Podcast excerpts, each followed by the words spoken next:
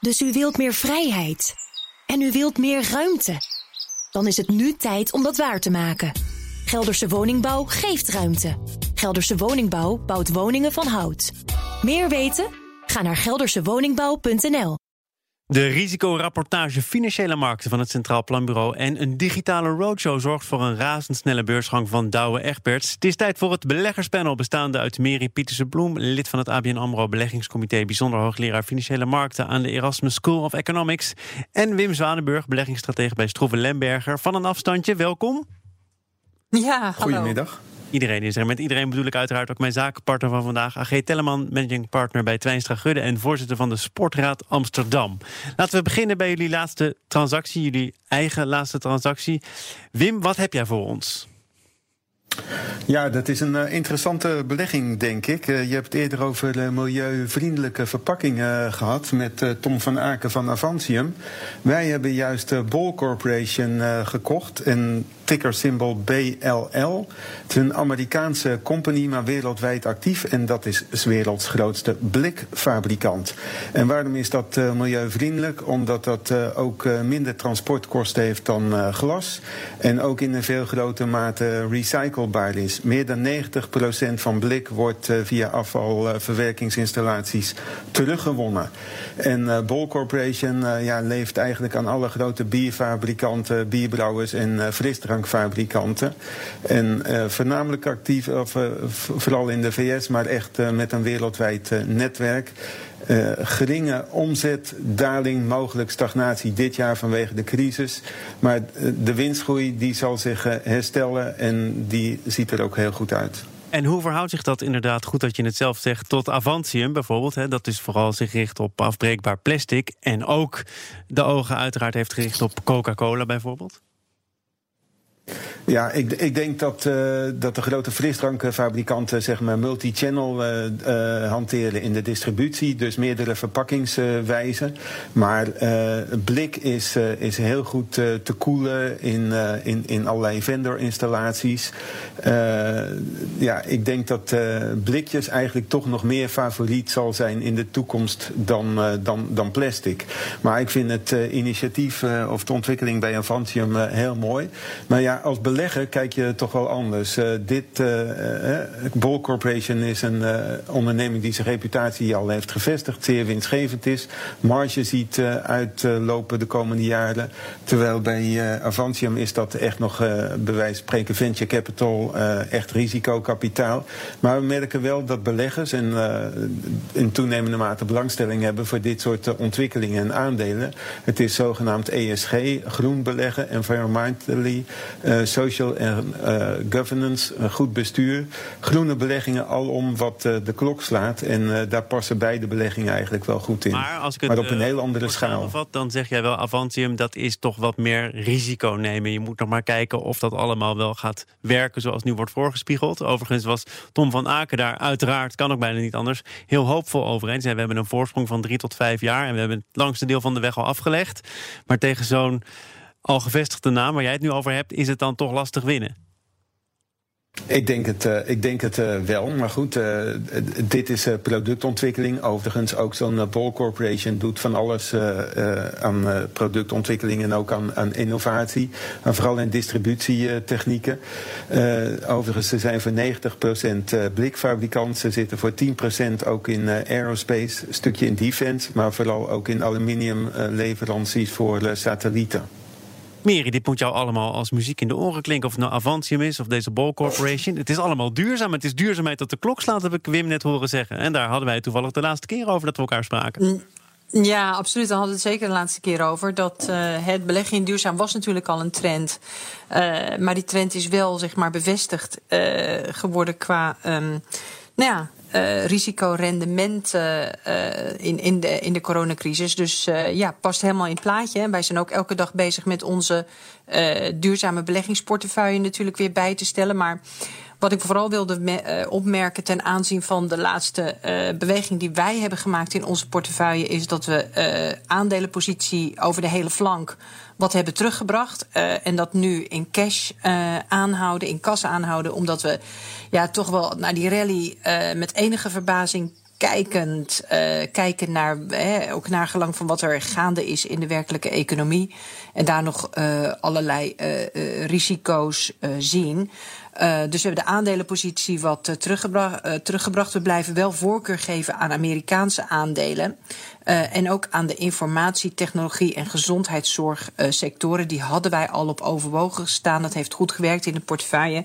Wat we nieuw hebben gedaan qua sectorenpositie is dat we positiever zijn geworden op de sector consumentengoederen en wat negatiever op de financiële sector. Dus dat zijn onze laatste uh, aanpassingen geweest in de portefeuille, Thomas. We, we, komen nog over die volatiliteit te spreken. Maar als ik daar alvast op mag voorsorteren, dan zie jij dus heel veel risico's. En kun je niet helemaal verklaren dat uh, die rally überhaupt plaatsvond.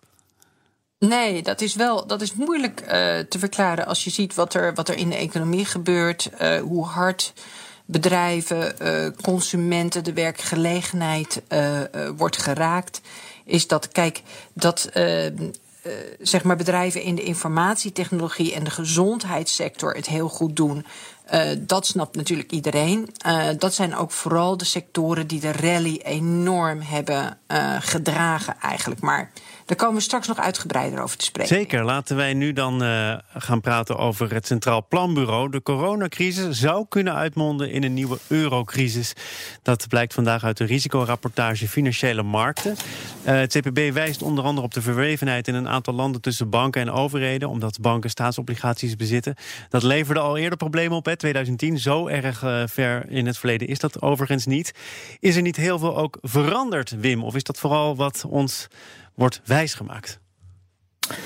Nou, er is wel wat uh, veranderd. Eén uh, uh, risicotransmissiemechanisme is natuurlijk ja, het internationale bankwezen. En de banken hebben wel degelijk afgelopen tien jaar fors hogere buffers opgebouwd, hogere kapitaalratio's.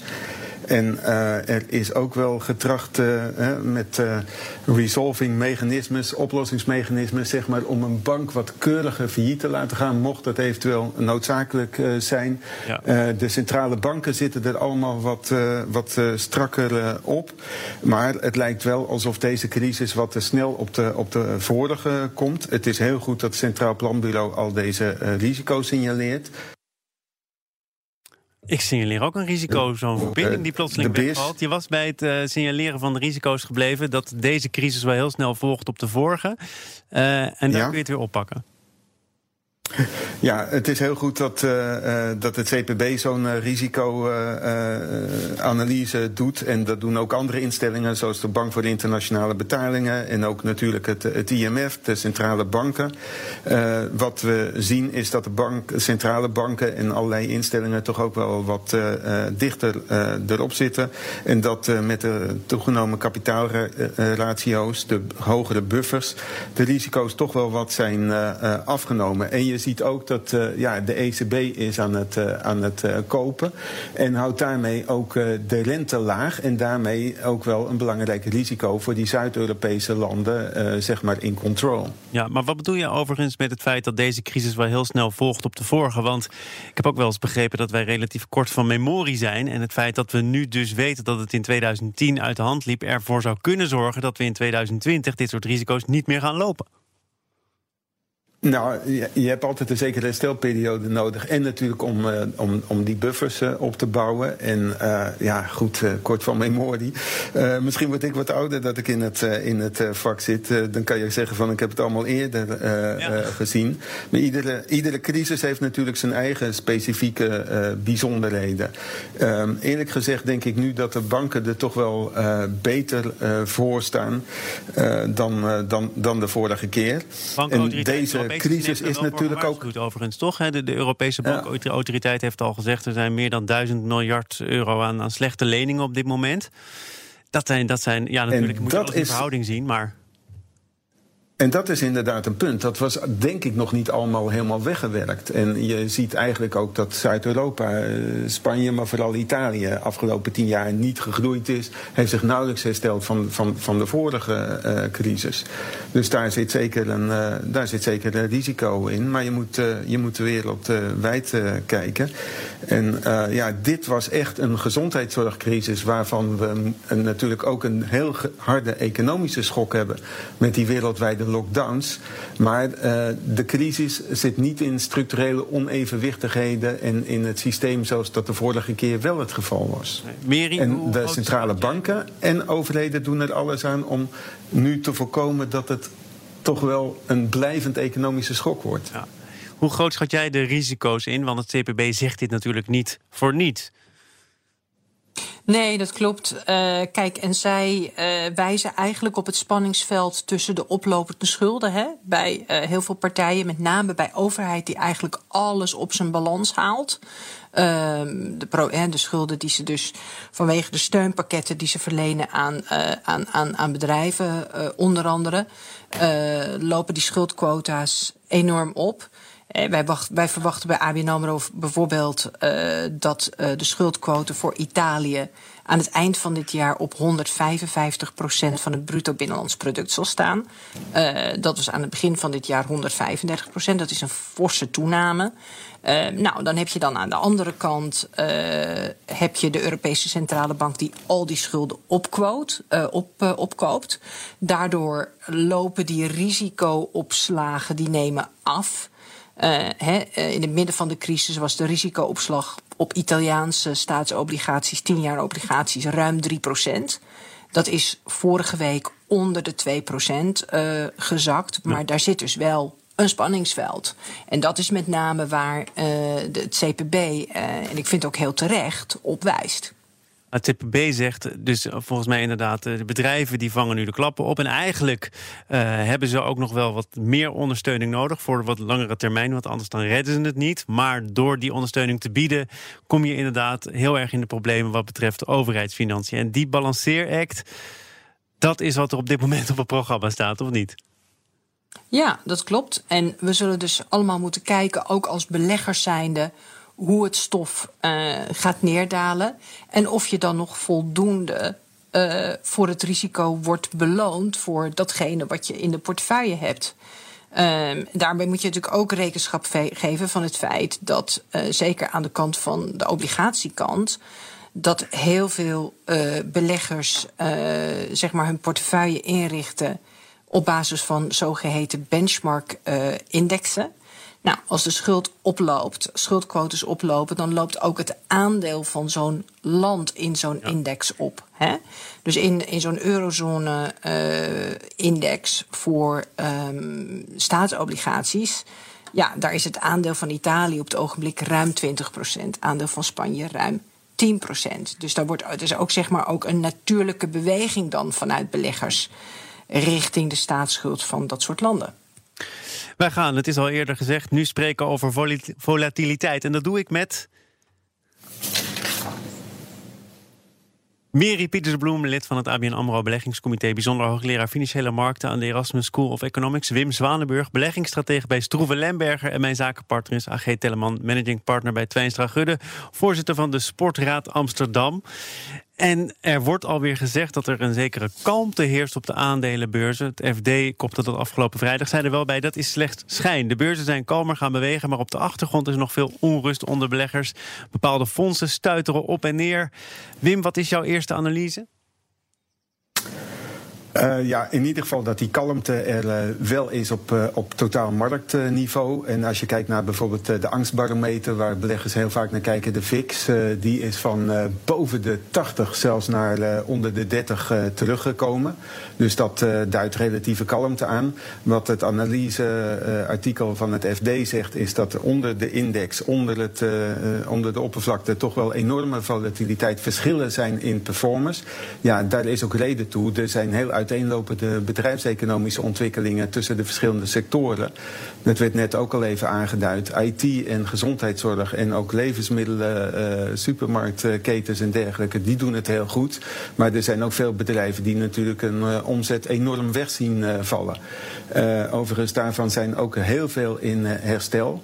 Wij zijn wat positiever dan ABN AMRO over onze aandelenbeleggingen. en wij hebben die per saldo afgelopen weken nog niet af De indicator waar nu echt de markt naar kijkt, dat is zeg maar het afnemend aantal besmettingen en het aantal afnemend relatief dan nieuwe aantal sterfgevallen en vooral de versoepelingsmaatregelen. Dit is een unloved rally, omdat we echt over de kloof heen moeten kijken.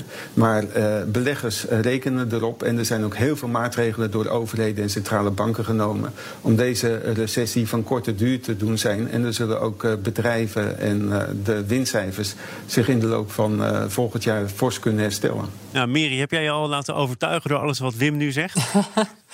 Ja, dat, dat klopt. Hè. En de markt is ook erg verdeeld. Er zijn inderdaad een kamp van analisten die zeggen van nou, we zijn voorbij het ergste punt. Maar er zijn ook het andere kamp, en daar zitten wij dan een beetje meer in, die zeggen van nou kijk uit, want het herstel en het, het openen, heropenen van de economie gaat maar heel langzaam.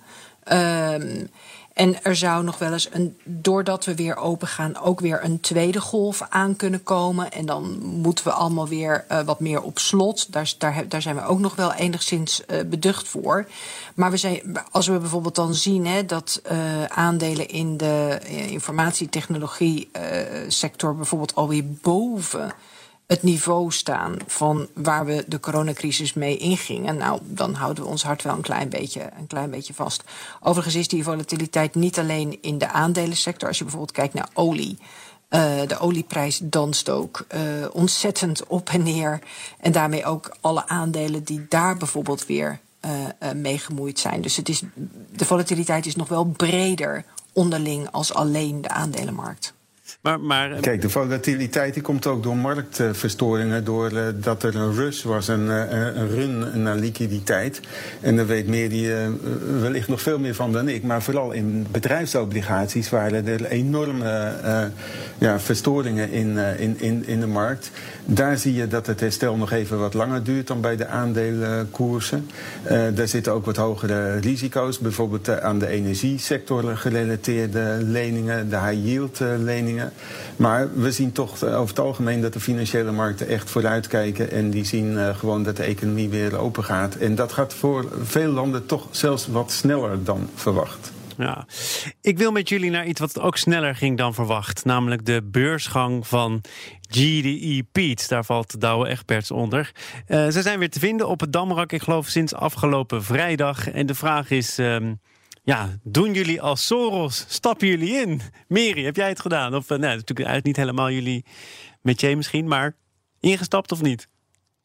Uh, nee, we hebben het niet in de, nog niet in de portefeuille opgenomen. ABN AMRO zat ook niet in het consortium van banken... wat deze beursgang uh, begeleiden. Als ik zelf kijk, even vanuit mijn uh, privé-oogpunt, was het uh, ja, was toch wel een mooie, mooie introductie weer. Mooie herintroductie en ook blij om het aandeel weer ja, in, op onze AX te zien. En wat voor sentimenten spelen er dan een rol? Als je zegt mooie introductie, blij dat het weer terug is, is dat toch gewoon Nederlands trots? Ja, dat.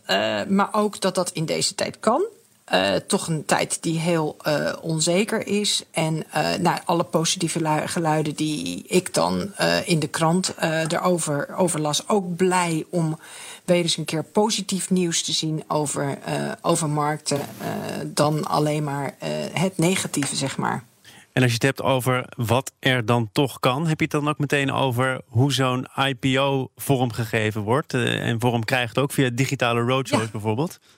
Ja, daar heb ik het zeker over. Uh, want daar zie je ook dat de nieuwe vorm van werken uh, is uh, gelukt. Hè. Bij aandelen is het heel belangrijk dat je vooraf um, zeg maar, ja, de grote beleggingshuizen bezoekt.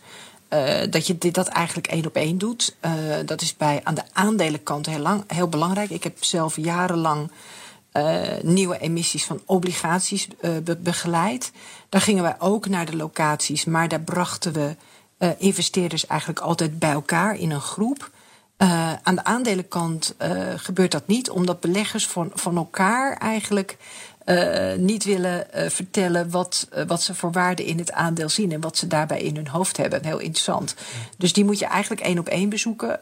nou, dat is nu allemaal virtueel gedaan voor een heel belangrijk deel en dus met succes. Hebben ze daarmee een trend gezet, denk je? Ik denk het wel.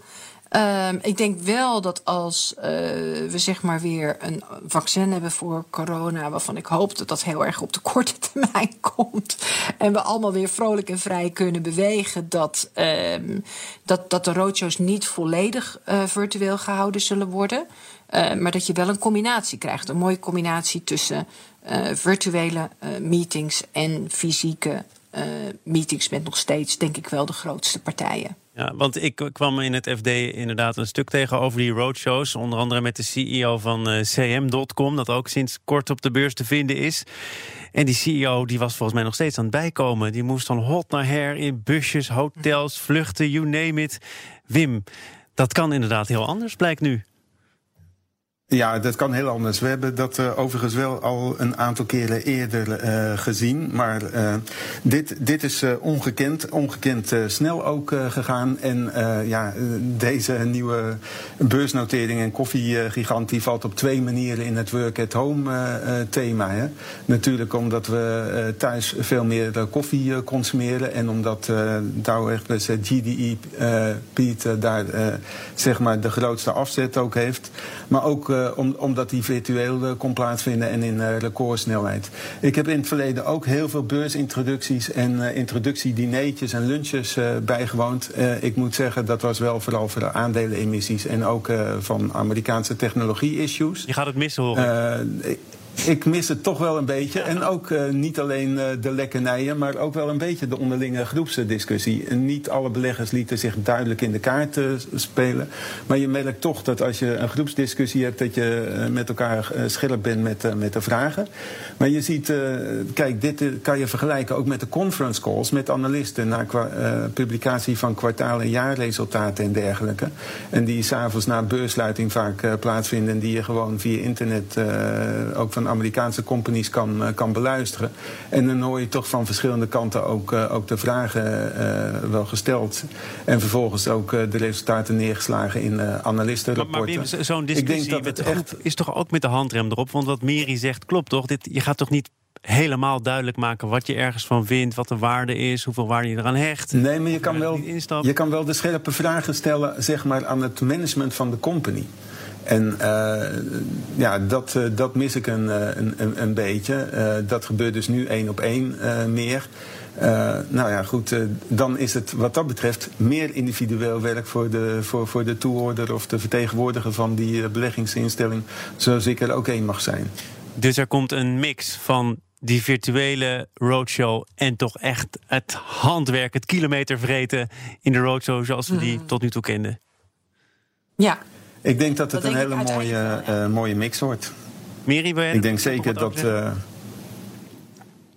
Ja, nee, dat denk ik wel. Uh, en, en in de tussentijd gaan we, gaat, ja, gebeurt het dus op deze manier. Dus mooi dat ook dan beursintroducties nog gewoon op een hele goede manier kunnen plaatsvinden. En dat nog wel van een uh, sterk Nederlands merk. Douwe Egberts. We bespraken het met uh, Mary Pieterse Bloem, lid van het ABN AMRO Beleggingscomité... bijzonder hoogleraar Financiële Markten aan de Erasmus School of Economics. Wim Zwanenburg, beleggingsstratege bij Stroeven Lemberger en mijn zakenpartner. Gedurende twee uur was Ageet Telleman, managing partner bij Twijnstra Gudde... voorzitter van de Sportraad Amsterdam. Dus u wilt meer vrijheid. En u wilt meer ruimte. Dan is het nu tijd om dat waar te maken. Gelderse Woningbouw geeft ruimte. Gelderse Woningbouw bouwt woningen van hout. Meer weten? Ga naar geldersewoningbouw.nl